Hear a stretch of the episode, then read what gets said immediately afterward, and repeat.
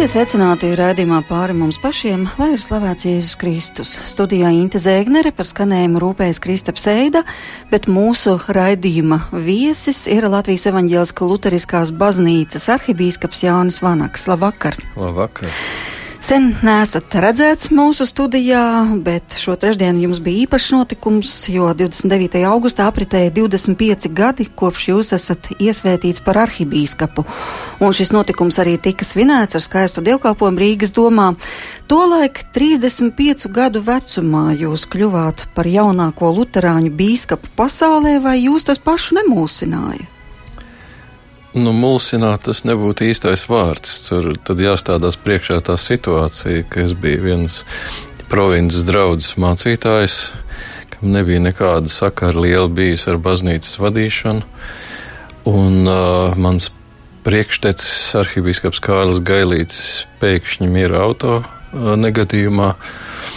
Un tad bija ārkārtas sinode un vēlēšanas, un sinode noslēdzās, visi izklīda. Uh, Un man divas dienas vēlāk jau bija jāsēž arhibīskapa kabinetā, kur man nebija atstāts nekas, nekāda informācija par nekādi gali, kā mēs teikt, jo mans priekšstats arhibīskaps, viņš nebija ļoti tāds sistemātiski organizēts cilvēks, kas atstātu visu dokumentāciju un norādījumus. Normālā gadījumā jau ir kā mums tagad tas notiek ka vispirms diecēs garīdznieki izrauga kandidātus, tad ar kandidātiem runā īpaša komisija. Un, un tad viņus vērtē, un tad ir uh, vēlēšanas, un tad, tad teiksim, izrauga tos kandidātus, un tad paiet zināms laiks, kamēr tie bīskapi nomainās. Ja? Bet tas notika ļoti pēkšņi, tā ka apmulsis tas nebija īstais vārds. Tas tad nebija arī tā, ka kāds pirms tam jūs būtu uzrunājis vai sacījis, ka ir tāda iespēja, vai mēs te tā kopā padomājām un nolēmām, mēs virzīsim tevi vai kaut kā tam līdzīgi? Nu, principā, protams, ļoti asi parādījās tas jautājums, ko tad ievēlēt, jo tajā laikā jau arī nebija to kandidātu tik ļoti liela izvēle. Bija vai nu ļoti veci mācītāji, vai ļoti jauni. Es ar 35 gadiem faktiski biju vidējā paudze mūsu baznīcā tajā laikā. Un bija varbūt pāris kandidāti, pa kuriem varēja domāt, un tad bija arī nu, tā doma, ka varētu kādu no ārpus Latvijas baznīcas ievēlēt vai aicināt. Bet nu, tad, jā, tad bija kā, kādi mācītāji, sāka braukt pie manis un, un teikt, ka nu, mēs gribētu, lai tu kandidē. Man tāda nodoma pavisam nebija.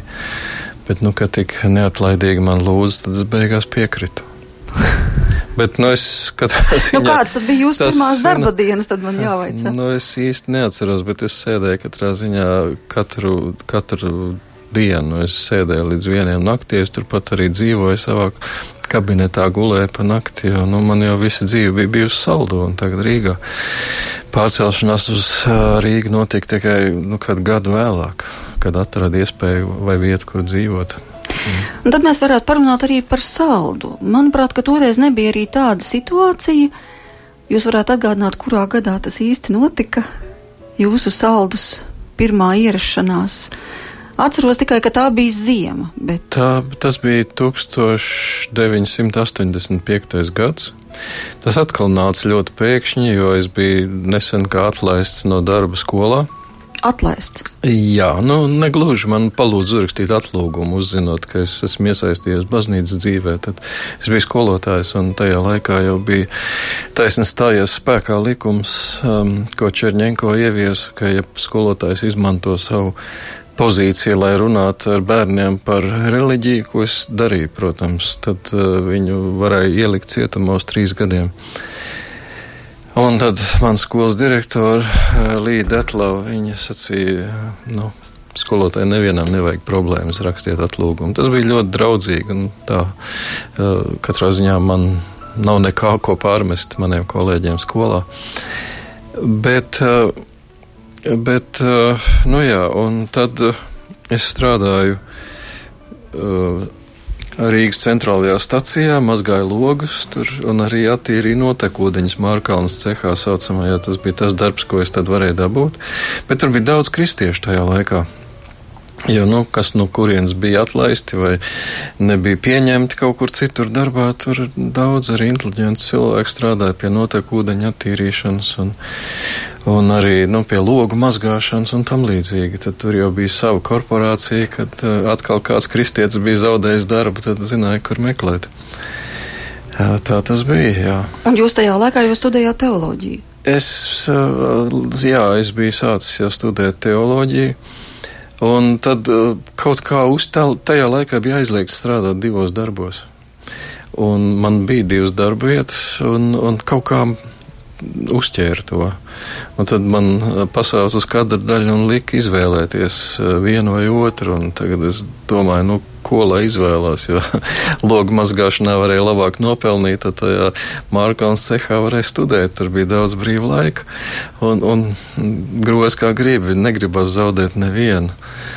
Un, uh, tad, kad es biju tādās pārdomās un lūdzu Dievu, lai man parāda ceļu, ko es tagad daru, man pasauca uz konsistoriju un teica, uh, nākošu svētdienu te ordinēs un aiznākošu svētdienu brauks uz piecām draudzēm pa mācītāju. es biju nokārtojis teoloģijā vienu eksāmenu tajā laikā. Bet nu, tā tas bija, ka students, kas bija iesaistījušies, un es biju viens no nedaudzajiem ar augstāko izglītību tajā laikā, ar skolotāju darbu praksi, tad man aizsūtīja tādu, kā es stāvēju tajā laikā.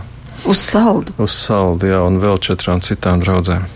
Vai savu pirmo dievkalpojumu jūs atceraties? Tas bija vēl pirms ordinācijas. Tas bija vēl tad arhibīskaps Matuls man bija nosūtījis uh, praktizēties pie aizpūtas mācītāja Sigurdas Proģa. Tur bija, nu, viņam bija piecas draudzes kopā, aizpūta bija tā lielākā. Un uh, mēs bijām sarunājuši, ka es teikšu sprediķi vienā dievkalpojumā beidzot. Un tad man pagāja divas nedēļas, kad es viņu uzrakstīju tos sprediķi. Un mēs braucam, un uh, viņš stūrē, un tad, kad to baznīcas turni, jau apriņķa baznīcas turni varēja redzēt no aizpūtas braucot, viņš saka, nu, es nemaz nekalpošu, tad tu viens pats novadi to dievkalpojumu. Un tad man uzreiz bija tāds satraukums, jo es jau pat nezināju īsto to dievkalpojumu kārtību no galvas, no mācītāja viedokļa. Es teicu, nē, nē, es tikai sprediķu tekstu. Viņš teica, nē, nē, nu es jau pat talāru nepaņēmu līdzi. Tā kā nāksies vien pašam. Un tad atkal bija tāds liels satraukums. Un es atceros, es kancelēju, man bija tas ar tā raksta vieta pirmajam sprediķim, ka Jēzus mācekļus sūta kā avis starp vilkiem. Un es ievelku elpu un saku, Jēzus sūta savus mācekļus kā vilkus starp avīm. Un, Ko draudz? un tad es sapratu, ka es esmu pārteicies un, un domāju, ko tagad darīt. Labot vai, vai, vai pieņemt, ka neviens nepamanīja to, bet tā kā draudzes sejā nekas daudz neizmainījās, tad es vienkārši turpināju uz priekšu. Nes, ko no tā var secināt? Cik uzmanīgi viņi ir klausījusies sprediķi nu, draudze, vai arī tas, ka ir ļoti pieklājīgi un skaļi neiebilda. lai nu, nesamulsinātu jauno topošo mācītāju. Pamanīju jau gan, bet bija žēlsirdīgi pret mani. Jā. Bet kāpēc jūs vispār izvēlējāties šo ceļu? Jo jūs taču jau bijāt studējis ķīmiju, jums bija skolotāja darbs, bērni skolā, Viļa Lāča, vidusskola laikam jau mm, Rīgā. Jūs mīlēja, jūs spēlējāt ģitāru, jauns perspektīvas, daudzsološs. Tas sākās jau krietni agrāk. Man bija kaut kāda desmit gadu, var, ne vēl agrāk. Es domāju, ka nu, tāda interese par reliģiju. Es atceros, uh, man sākās, kad man bija, es nezinu, vai es biju vēl skolas vecumā tajā laikā. Es dzīvoju katrā ziņā laukos pie vectēva. Mājā, un, un tur es izlasīju grāmatu. Es sāku lasīt no kādiem pieciem gadiem ļoti daudz grāmatu un uh, sengrieķu mītnes un varoņteikas. Un tad man bija tā, ka man bija jāguļ um, naktī mājas otrā galā, un kā jau lauka mājā visādi trokšņi, tur pa, likās pa bēniņiem kāds staigājis, tur bija salasījies par empūsu un hekati, kas zog bērnus no pa naktīm, un uh, tie spoki, visi tie seno grieķi, un tad, nu, es citus dievus nezināju, es tad sāku skaitīt lūkšanas olimpu dieviem. Tā kā es pats par sevi saku, ka es varbūt esmu viens no retajiem vēl dzīvajiem atgrieztajiem helēņu pagāniem. Un tad varēja mierīgi aizmigt? Uh, nu, mierīgāk, teiksim tā, mierīgāk. Bet tā bija tā pirmā, un tad, teiksim, tieši par mācītāju, ja es atceros, tas bija Liepājā, kad man bija jāiet uz skolu, un bija jāiet garām daudzām baznīcām, un viena no tām bija tāda, kas bija apdzīvota acīm redzama, jo tur bieži gaismiņi bija iekšā. Tā bija izrādījās, es jau to laiku nezināju, bet Jāzepa, baznī, Jāzepa katedrāla, tagad to laiku zināju vienkārši, ka tā ir katoļu baznīca, tā teica man vecāki. Un es tur ielavījos pa laikam, un reizes novēroju garīdzniekus, kas tur posās uz dievkalpojumu. Mēs ar draugiem bijām iegājuši, un tie draugi man tur tā, viņus apņirgāja drusku, nu, Un es tā jūtu, nē, nē, nē, ka es negribu tā, es gribētu drīzāk būt viens no tiem garīdzniekiem. Tas bija tas pirmais aicinājums, man varēja būt kā desmit gadu varbūt tajā laikā. Nu, un pēc tam jau tas tā nekur nepazuda īpaši, un tas, kad sāku iet uz baznīcu regulāri, sākumā Valtāķos, pēc tam Rīgā Meža parkā, Gustavā Adolfa baznīcā pie profesora Feldmaņa Nu, tad jau tas bija tikai laika jautājums, jo kaut kā man tas noskaņojums parasti ir tāds, ka, ja es kaut ko uzņemos darīt, vai es uzsāku kādu ceļu, tad es eju, cik tālu vien pa viņu var aiziet. Nu, tā. Jūsu vecāki esam... nebrīnījās par šo izvēli? Nu, viņi bija diezgan izmisuši, jāsaka, jo nu, viņi abi ir pedagogi. Un tajā laikā jau, nu, kā man teica, to aprakstīja, ka es apšaudas laikā izslēgos no ierakumiem, vēl savus bērnus tā paceļ uz augšu. Ja? Nu, tas jau nebija tā vienkārši kļūt par mācītāju tajos laikos. Ģimenes cilvēkam sevišķi tas jau izšķīra tad arī bērnu, varbūt pat mazbērnu likteni. Tā vismaz likās, ka tā padomju valsts jau pastāvēs bezgalīgi. Un tā bija tāda, nu, ļoti nopietni. Tā bija izvēle ar ļoti nopietnām sekām. Un tajā laikā, ja tas bija kaut kāds 80, nezinu, 4. gads, kad es to visu sāku darīt, tad jau nebija vēl nekāda doma. Tad jau pat Brežņevs, tas ir, jā, nu Brežņevs vēl taisni bija nomiris. Nebija par Gorbačovu vispār nekādas domas vai par kaut kādu atmodu vai tam līdzīgi. Nu, kāda bija jūsu pirmā sastapšanās ar saldus draugu? Un arī vietu, kur jūs dzīvojāt. Nu, tomēr jums bija tā tad jāpārbrauc uz to saldu. Kā jūs sacījāt, jāizslēdz pašam no ierakumiem, un vēl arī bērni jāpaceļ. Toreiz bija divi, un trešo laikam jūs tajā laikā gaidījāt. Jā. Nu, dzīvojām mēs tajā laikā Rīgā slavenajos pienielas graustos pa ko kādreiz bija runa. Nu, viņi tagad ir novākti, bet viņi jau bija grausti tajā laikā. Mēs uzlabojam dzīves apstākļus, pārceļoties no Čiekura kalna apdzīvojamas virtuves, 10 kvadrātmetru, tad uz to uz pienielu graustiem, tur mēs dzīvojām. Un, un tad, nu, tajā laikā jau daudz nedomāja neviens. Sūtīja kalpot arhibīskaps jaunu censoni. Tur daudz sarunu nebija par to, es iešu vai neiešu. Tagad jau mums Lutāņu baznīcā tā ļoti liberāli tam pieiet. Ja, kad nu, skatāmies tur, tur skola un ģimene un darbs ģimenei un tā cenšamies visu, visu ievērot un, un sarunāt, un tad bieži vien grūti cilvēku pārvietot. Tajā laikā vienkārši tā pateic brauks uz saldu. Nu, divu stundu laikā sakrāmējām visu iedzīvi pašizgāzējā.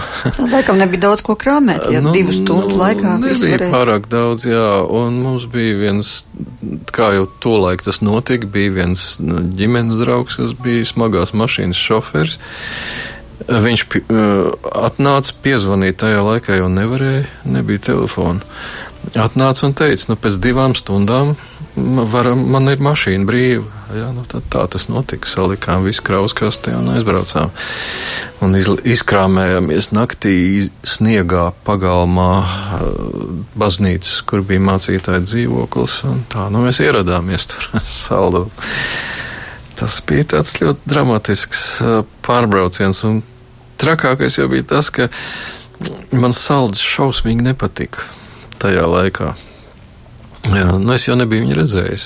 Bet kāpēc tikai, nepatika? Nu, es braucu no Liepājas uz Rīgu vai atpakaļ parasti, es Liepājnieks esmu dzimis audzis, un tad saldus autoostā parasti tas autobus divs, nu, tas ir 20 minūtes stāvēja, nu, tā autobusu stacijas apkārtne jau bija visai nepievilcīga. Jā, tajā laikā sevišķi tolet, tas bija kas, kaut, kaut, nu, tas bija ko vērts, jā, to redzēt. Un, un uh, tur vienmēr kaut kādi šaubīgi cilvēki bija un kautiņi, un viss kaut kas tur notika tajā laikā, tajā autoostā. Un, nu, man tas iespējas par saldu bija apmēram tāds. nu, nesūtīju uz saldu, es domāju, bet es redzēju, cik tā baznīca ir skaista.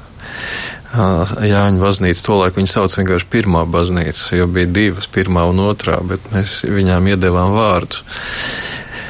Uh, tad es domāju, tā ir tāda kompensācija par to, ka man tagad būs saldo jādzīvo tā skaistā baznīca. Bet, nu, dzīvojot uh, Latvijas mazpilsētā, pamatā jau ir tā, ka ne jau pilsēta vai arhitektūra vai viss kaut kas, nu, kas tur ir tajā pilsētā, ir tas svarīgākais un dārgākais, bet cilvēki. Rīga, redz, ir ļoti anonīma. Cilvēki sanāk uz draudzi no sevišķi lielajās draudzēs vai lielajās baznīcās centrā šeit. Nu, pēc tam izklīst un nesatiekas līdz nākošajai nedēļai. Bet saldū dzīvojot, tu izēj uz ielas no rīta, nu, tur nu, tā maizes veikalā tava draudze un aptiekā tava draudze un telefona centrālē tava draudze un visur tur redz satiec tos cilvēkus. Un tas bija tā, tā daudz draudzību izveidojas, kas vēl šodien pastāv. Tā kā Bet eh, tomēr toreiz laikam arī draudzēs bija ekstremālāki apstākļi nekā šobrīd. Nu, iespējams, jo tomēr pirmkārt eh, ticība nebija nekādā veidā veicināma, un um, bieži vien arī baznīcas nebija apkurināmas, Un uz baznīcu tiešām nāca tādi dedzīgi cilvēki, kas bija Dievu savā dzīvē sastapuši un citādāk nevarēja. Izņemot tos, kur nāca, lai, teiksim, izspiegot un ziņot, arī tādi bija. Pa kādam, ne jau daudz, bet, nu, pa kādam bija, jā, un pa laikam jau tad atklājās, kuri tie ir, jā, vai tā, nu, vismaz varēja nojaust. Jā, var teikt, ka baznīcā bija uh, cilvēki, kas bija izdarījuši ļoti skaidru izvēli, jo piederēt draudzē, lielākoties draudzē, draudēja ar kādām nepatikšanām vai varēja draudēt, un tāpēc cilvēki, kuri, nu, nu tāda modas pēc, kā mēs teikt, vai tradīcijas pēc, tāda, nu, regulāri nenāca, protams uz baznīcu. Tie, kas bija, tie bija pārliecināti, izdarījuši savu izvēli. Un tas tādā ziņā bija daudz skaidrāk. Bija teiksim, baznīca, un tad bija padomju vara, kas bija skaidrs un atklāts pretinieks, un tad bija tā kaut kā vieglāk orientēties visā notiekošajā.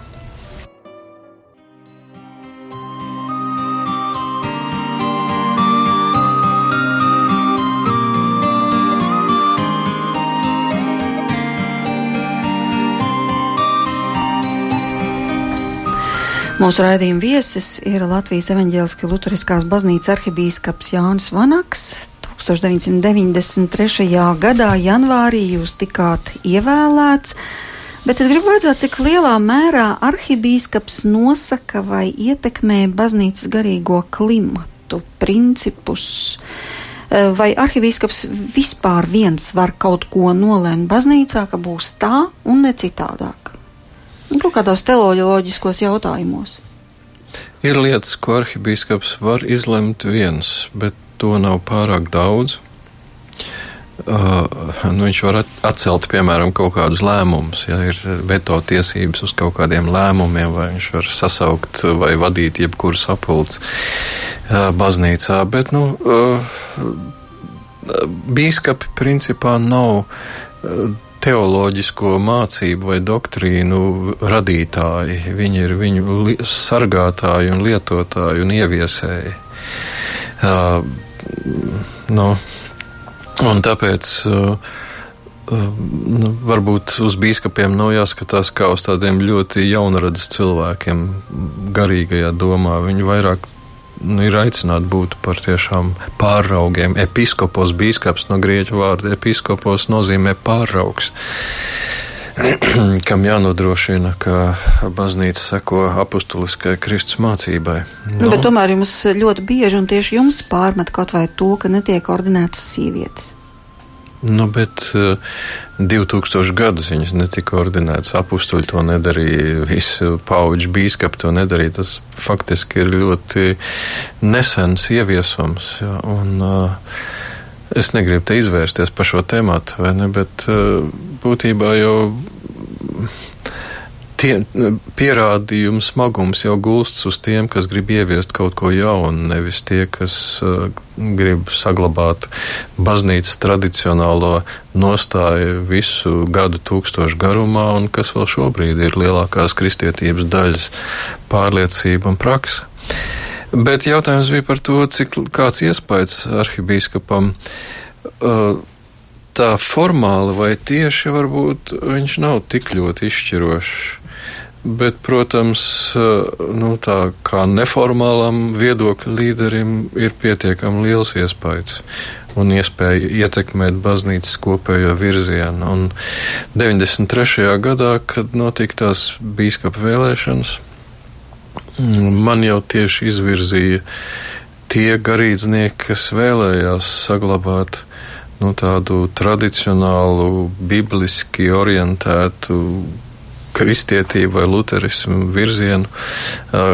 Bībeli, kas tiek skaidrota ar luteriskajām ticības apliecībām.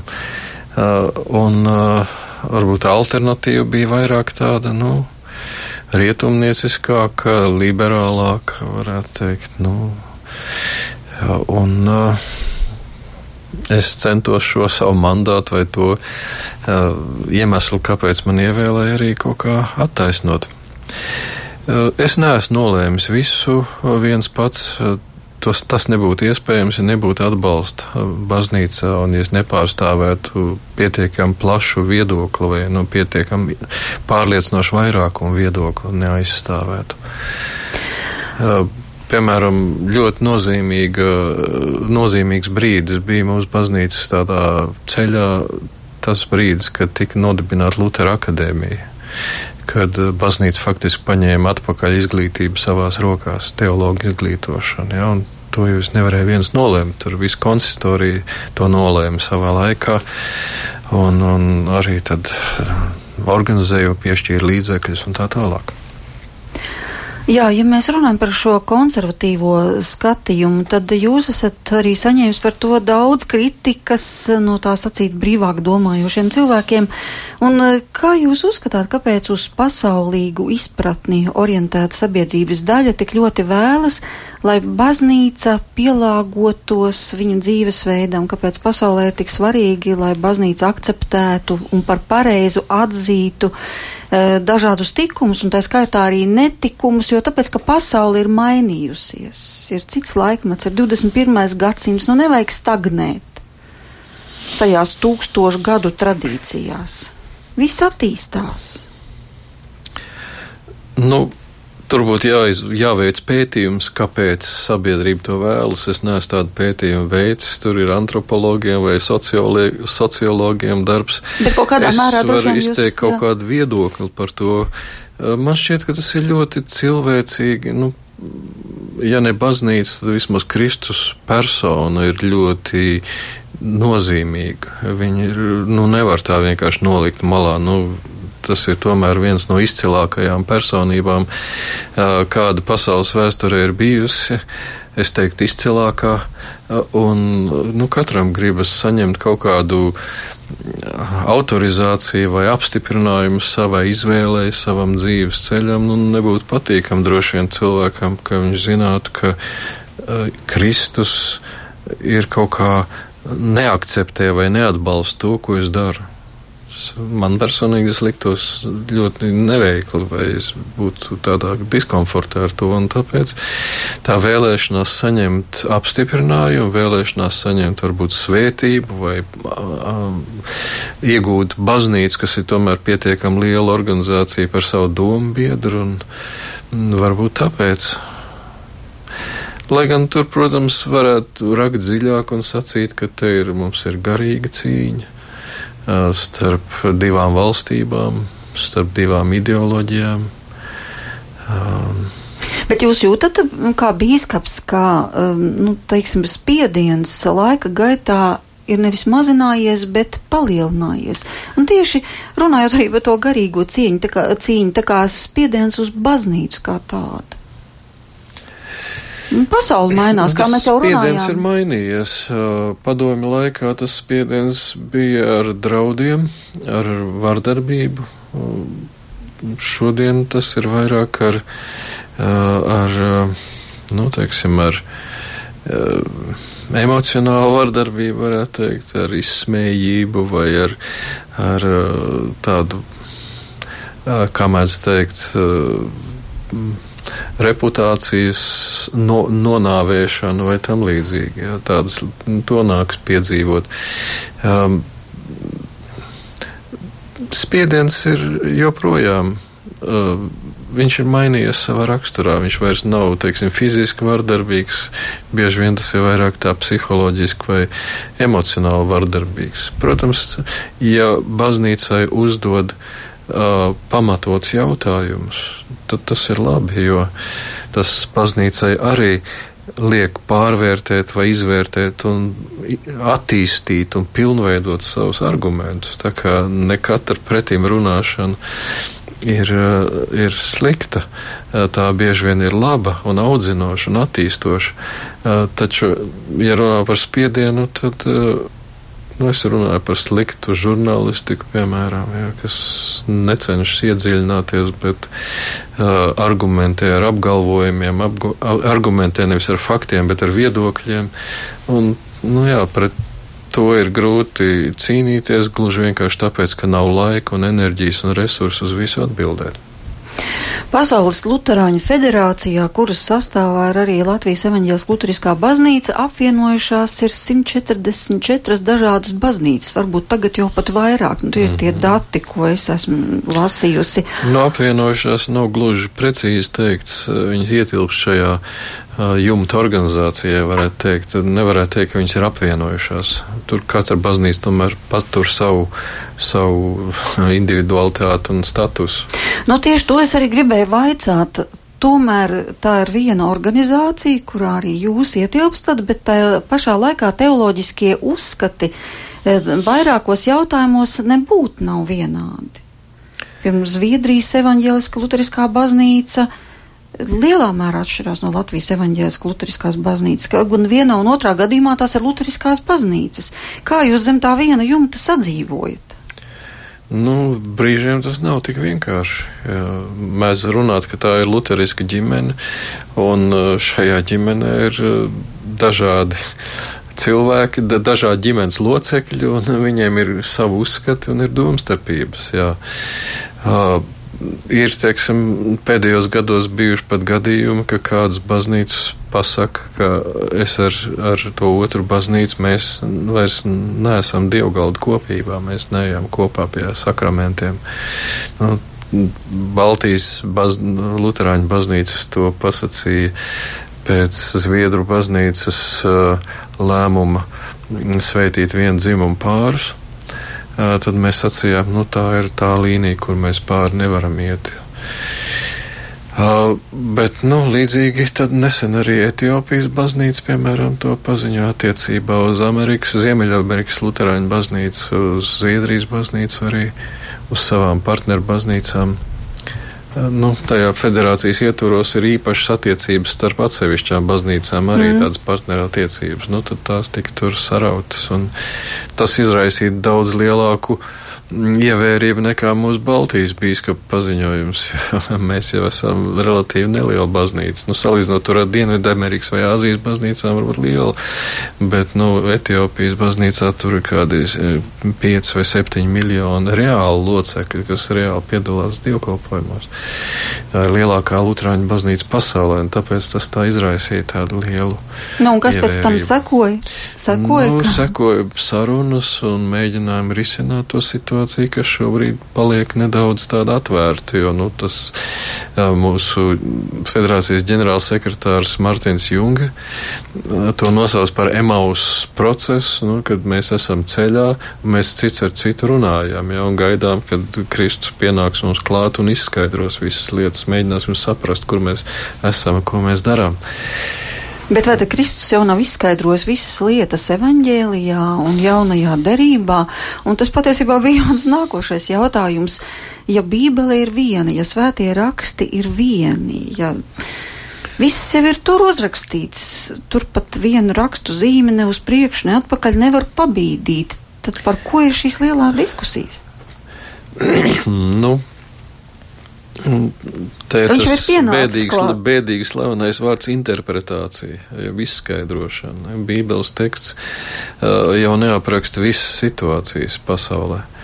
Uh, nākas viņu izskaidrot uh, un mēģināt izšķirt, kāda ir Dieva griba šajā konkrētajā jautājumā, kas varbūt vārds vārdā Bībelē nav izskaidrots. Man liekas, teiksim, par vienu dzimumu pārsvētīšanu tur ir pietiekami skaidri viss paskaidrots, bet arī teologi atrod kaut kādus argumentus Uh, kas saka, nē, tur tā īsti nevar saprast, kas tur taisni ir domāts, vai, tā, vai, vai, vai šāda tāda homoseksualitāte, kā mēs viņu pazīstam, vai tāda, kāda bija tur antīkajā pasaulē ar tempļu prostitūciju un tā tālāk.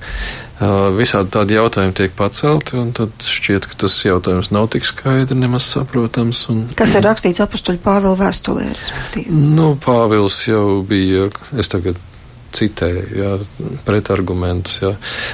nu, Pāvils jau dzīvoja pirmajā gadsimtā, nevis 21. gadsimtā. Viņš aprakstīja savus baznīcas, savus sabiedrības uh, uzskatus, bet mums tagad tie uzskati ir mainījušies, un daudz kas no tā, ko viņš ir rakstījis, mūsdienām vairs neatiecas. Uh, nu, tas ir tas, ja Bībele uzskata par, par, uh, nu, par faktiski grāmata, ko ir sarakstījuši cilvēki, kurā ir dieva atklāsmes elements, kurš ir jāatrod, bet ka viņa kopumā nav dieva vārds, bet viņā ir atrodams dieva vārds, tikai jāatrod, kur viņš ir. Nu, tad, teiksim, to robežu līniju starp to, kas ir dieva vārds un cilvēku vārds Bībelē, var nolikt vai pabīdīt pa labu vai pa kreisi, nu, pēc tā, kāds ir sabiedrības pieprasījums tanī brīdī. Nu, es apmēram tā to esmu piedzīvojis mūsu sarunās. Mums ir bijušas sarunas sarunas ar rietumu partneriem gan par sieviešu ordinēšanu, gan par vienzimumu pārsvētīšanu. Nu, apmēram tā tas notiek. Nu, tiek postulēts, ka ne viss Bībelē ir Dieva vārds, un mēs tagad meklēsim, kur ir un kur nav. Apmēram tā. Jūs nepārsteidz šis viedoklis? Nē, nu es jau ar to saskāros mācoties seminārā. Protams, es uh, iepazinos ar Bībeles kritiku. Uh, ar vēsturiski kritisko metodi, kur ir daudz kas labs, varbūt arī, jo Bībeles teksta pētniecība ir, mēdz teikt, ka tur Bībeles tekstā kaut kas ir bijis sagrozīts vai kaut kas apslēpts vai noslēpts vai kaut kas izrauts ārā. Nu, ir viss tas sazvērestības teorijas Vatikāns noslēpis īsto Bībeli un tā tālāk, tad Bībeles teksts ir izpētīts kā neviens teksts pasaulē. Man liekas, tur ir tik skaidrs, nu, respektīvi, tur ir tik skaidrs, ka tas nav nekāds viltojums. Jā. Nav nekāda sagrozījuma tur veikt šajos Bībeles tekstos. Tur jā, jāsaka, Bībeles teksta kritika ir bijusi ļoti nu, vērtīga un pozitīva, jā, bet no otras puses Tiksim, šai vēsturiski kritiskajā metodē ir bijusi arī tendence kaut kā izslēgt ārā dievišķās atklāsmes elementu un uzskatīt, ka nu, to ir sarakstījuši cilvēki konkrētos apstākļos, kas apraksta kaut kādu sava laika reliģisko praksi. Nu, tur kaut kāds atklāsmes elements varbūt ir, bet mums viņš ir jāatrod, kur tieši. Tas tā naivi būtu sacīt, ka katrs svētdienas skolas bērns zina, ka Bībele tas ir dzīvais Dieva vārds. Nu, Svētdienas skolas bērni kādreiz zina kaut ko skaidrāk nekā mācīt teologi. Tas arī var notikt. Nē, nu, es vienkārši aprakstu to mm. situāciju, kāda tā ir. Un būtībā jau taisnība, ka tas bija varbūt tā bija tā sajūta arī mācoties seminārā pēc padomu laikiem, nu, padomu laikos vēl un nu, tam līdzīgi, mēs negribētu iet varbūt tajā virzienā. Ta, šis virziens ir vairāk raksturīgs tiešām, jā, rietumu baznīcām. Mēs šajā virzienā īsti negribējām iet. Mēs pieturamies pie uh, tradicionālā viedokļa par to, ka Bībele savā kopumā ir Dieva vārds, ka skaidrākās vietas izskaidro mazāk skaidrās, un, un būtībā mums arī ir Bībeles skaidrošanas tradīcija. Nav tā, ka Luterāņiem nebūtu tradīcijas. Ja, nav, Luterāņiem nav tikai raksti vieni paši.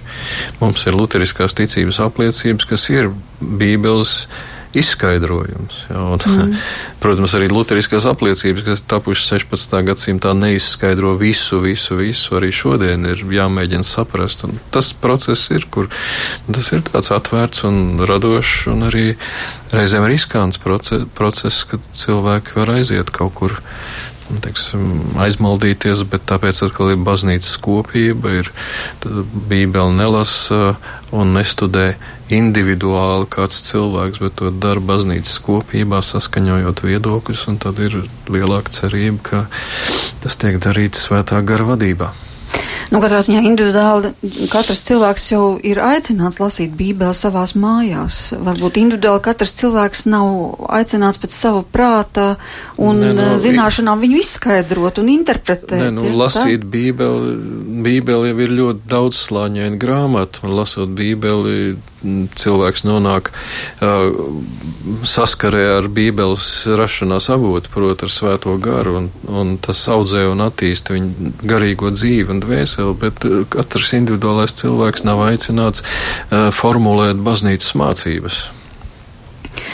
Nu, varbūt mēs mazliet varam parunāt par jūsu pieredzi, jo nu, skaidrs, nezinu, kad jūs pirmoreiz mūžā izlasījāt Bībeli, bet pēdējo gadu laikā jūs tomēr daudz esat iedziļinājies arī svētajos rakstos, mm, piedaloties tā, tā saucamajās klusuma rekolekcijās, jeb garīgajos vingrinājumos, kad pat līdz mēneša garumam jūs paliekat tā sacīt aci pret aci ar Dievu mm -hmm. vārdu.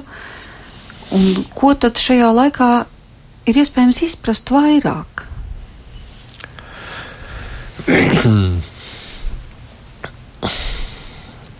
es nezinu, vai jā, arī izprast.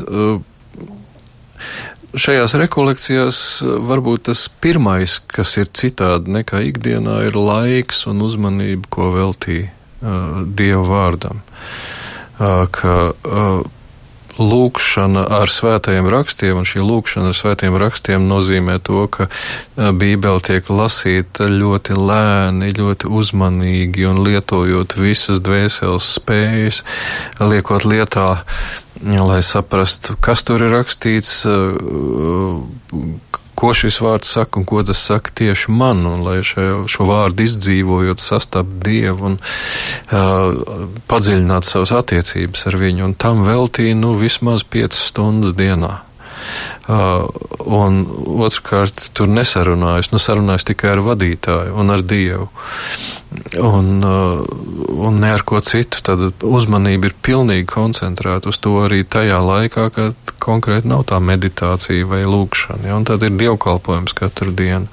Tad vēl ir, uh, kā saka, eksāmena lūkšana vai izvēr, dienas izvērtas lūkšana. Tad kopā kādas septiņas stundas dienā pavada iedziļinoties svētos rakstos. Ja? Un tas vien jau paver milzīgi plašs tos apvāršņus, jo, jo cilvēku uzmanība jau, nu, viņi Sadalīta ikdienā stipri. Jā, nu, ikdienā mēs nekad to nevaram. Un atbraucot no rekolekcijiem, jau būtu naivi cerēt, ka mēs varētu noturēt šo, šo līmeni, ja, bet vismaz tas ir piedzīvots, tā ir kaut kāda pieredze, un es teiktu, ka svētā Ričarda lūkšana uh, uh, izsaka apmēram to, kas tur notiek, ka mēs ieraugām savu kungu Jēzus Kristu skaidrāk, viņu iemīlam pilnīgāk, lai varētu viņam sekot tuvāk, ciešāk.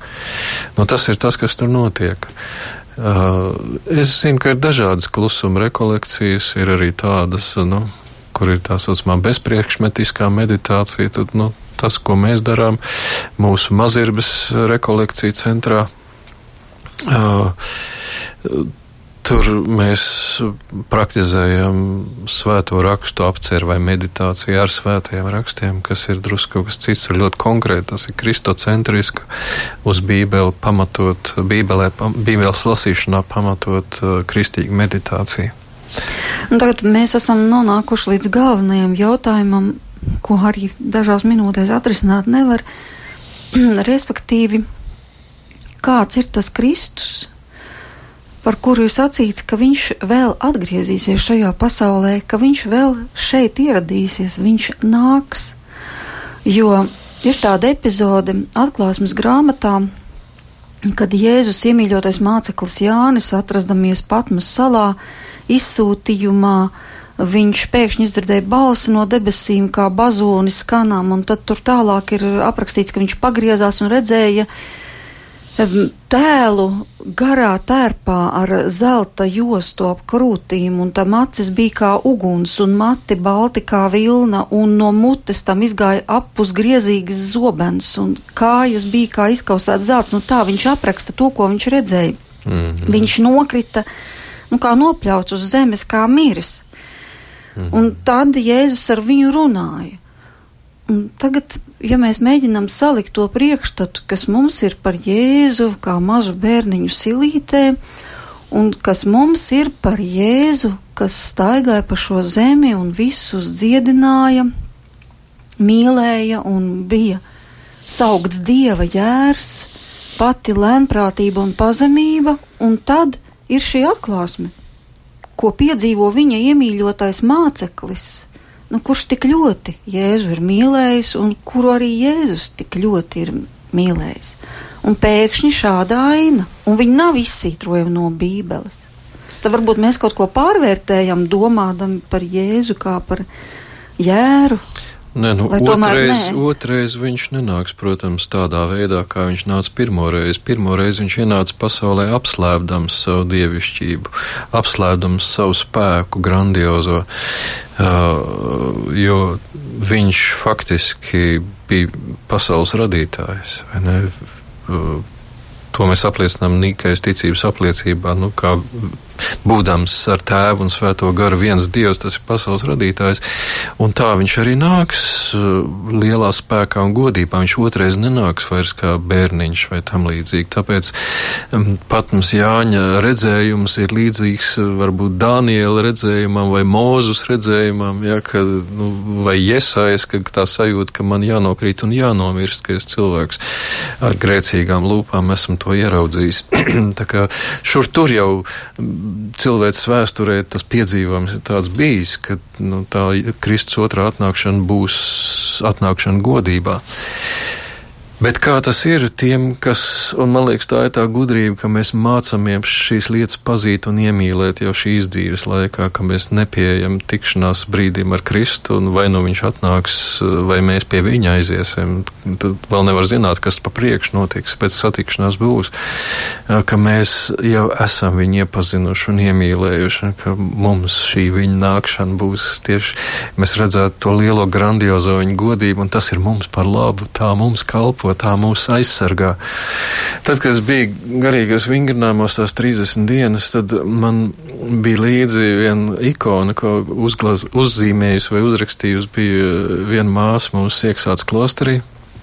Tāda krucifiks ikona. Un, un uh, tad es veselu mēnesi stundām viņas priekšā lūdzos, un tad man iezīmējās tas Kristus tēls, ka no vienas puses, ka viņš tā ar izplastām rokām stāv man priekšā, tad viņš no vienas puses stāv tajās durvīs. Jā. Tur ir tas, es stāvu pie durvīm un klaudzinu. Es varu iedomāties, ka pieklāvē tā pie durvīm tur var iztrūkties, kas tur ir aiz tām durvīm.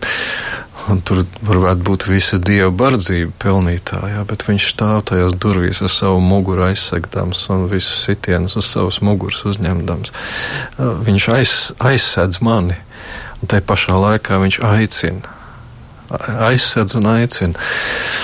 Un tas ir tas Kristus tēls, kas man bija tik ļoti nozīmīgs šajā 30 dienu laikā. Un tad ir brīnišķīgi, ka viņš ir grandios, ka viņš ir varens, jo tad viņš var varen aizsargāt un varen aicināt. Un tas ir tas brīnišķīgais.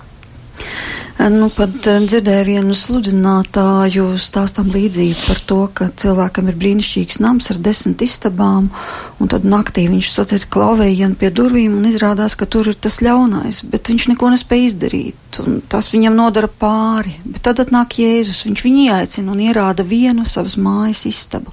Un tik un tā viņam tas ļaunais dara pāri, un dara pāri tikmēr, kamēr viņš Jēzum nav atdevis savas dzīves atslēgas, visu savu namu, kamēr viņš nav paturējis nevienu savas dzīves sfēru, kas nebūtu atdota Jēzum. Un, un tad tiešām nācās pārdomāt, nu, kas ir tas, kā nu. mēs taisām to dīlingu, latviski runājot ar Dievu. Kaut ko mēs paturam sev, kaut ko atdodam, vai tomēr visu namu. Man liekas, ka tēlainiem izteicieniem kādreiz ir sava pozitīvā lieta, ka viņus var viegli atcerēties un pārdomāt, piemēram, šo līdzību ar tām desmit istabām un atslēgu. Bet tad mums jājautā, ko nozīmē atdot Jēzum to atslēgu? Uh, un uh, man liekas, ka būtībā ir viena lieta, ka ikdienā, arī ikdienā, maniem lēmumiem, manām izvēlēm, uh, drīkst būt tikai viens nolūks - vairāk pagodināt Dievu un viņam labāk kalpot. Tad tā atslēga ir atdot. Tas ir ļoti praktiski, tas ļoti konkrēti ikdienā. Jā, pie šī mēs arī varētu rādījumu noslēgt, bet gribu vēl pieminēt faktu, ka nu pat ir tapusi arī brīnišķīga filma, kuru varēja noskatīties tie, kas bija Domas baznīcā, Doma baznīcā trešdien ar nosaukumu Kalps, un tā ir biogrāfiska filma, ko ir izveidojis uzņēmis jūsu skolnieks kādreizējais no Rīgas vidusskolas, Uģis Bērziņš. Cerams, ka kādreiz tā filma parādīsies arī uz ekrāniem, bet tur tāda skaista epizode, ka jūs sakāt, Dievam par katru no mums ir sapnis par to, kā Viņš vēlētos, lai mēs dzīvotu un kā mēs šo dzīvi nodzīvotu. Bet bieži vien mēs šim sapnim neatbilstam. Mans jautājums būtu, ko lai dara? Jā, mēs esam to par vēlu sapratuši, vai teiksim, sapratuši vecumā, pensijā. Man liekas, ka ir ļoti apmierinoša šī līdzība par vīna kalna saimnieku, kas gāja derēt kalpus. Jā, tad vienu viņš, dažus viņš salīja no rīta, dažus pusdienā, dažus vēl tikai stundu pirms, pirms darba laika beigām. Un, un visiem viņš samaksāja vienu un to pašu algu. Tā cita lieta ir, par to nebūtu jāraizējas. Ir brīnišķīgi, ja tu esi nonācis pie Kristus atziņas, pie ticības, pie mīlestības uz viņu, pat ja vecumā, pat ja pensijā, pensijas vecumā, pat ja kā tas noziedznieks pie krusta īsi pirms nāves. Varbūt tās skumjas ir tas par to, ka dzīve ir pavadīta bez viņa, un dzīve ar viņu ir tik daudz skaistāka, tik daudz bagātāka un dziļāka un plašāka. Tās tad ir tās skumjas, ko nevar atgriezt, ko nevar izlabot. Man tas tā ir iezīmējies. Nu, protams, arī es pats domājot par savu dzīvi, varu nožēlot visu to laiku, kas ir ticis izšķiests arī nu, kā kristīgam cilvēkam. Ja? Nu, mēs kādreiz darām visādas lietas, varēja kaut kā vairāk to izmantot dievam, labāk kalpojot vai vairāk iedziļinoties dieva lietās. Un uh, par to man ir žēl, jo es zinu, ka es, piemēram, daudz ko vairs, ko varbūt gribētos garīgā sfērā darīt, man nav vairs laika. Es nedzīvošu tik ilgi, man vairs nav jaunības spāra un, un, un uh, prāta spēju, tā tālāk, vēlastības un uzņēmības. Tā kā es domāju, ka vajag izmantot laiku, lai censtos, lai meklētu ceļu, kā Kristu skaidrāk ieraudzīt, viņu pilnīgāk iemīlēt, viņam tuvāk sekot. Jā, paldies! Ar šiem vārdiem mēs arī noslēdzam šo mūsu šī vakara sarunu. Mūsu viesis bija Latvijas evaņģēlas kluturiskās baznīcas arhibīskaps Jānis Vanaks, studijā bija Inta Zēgnere, bet par skanējumu rūpējās Kristaps Eida.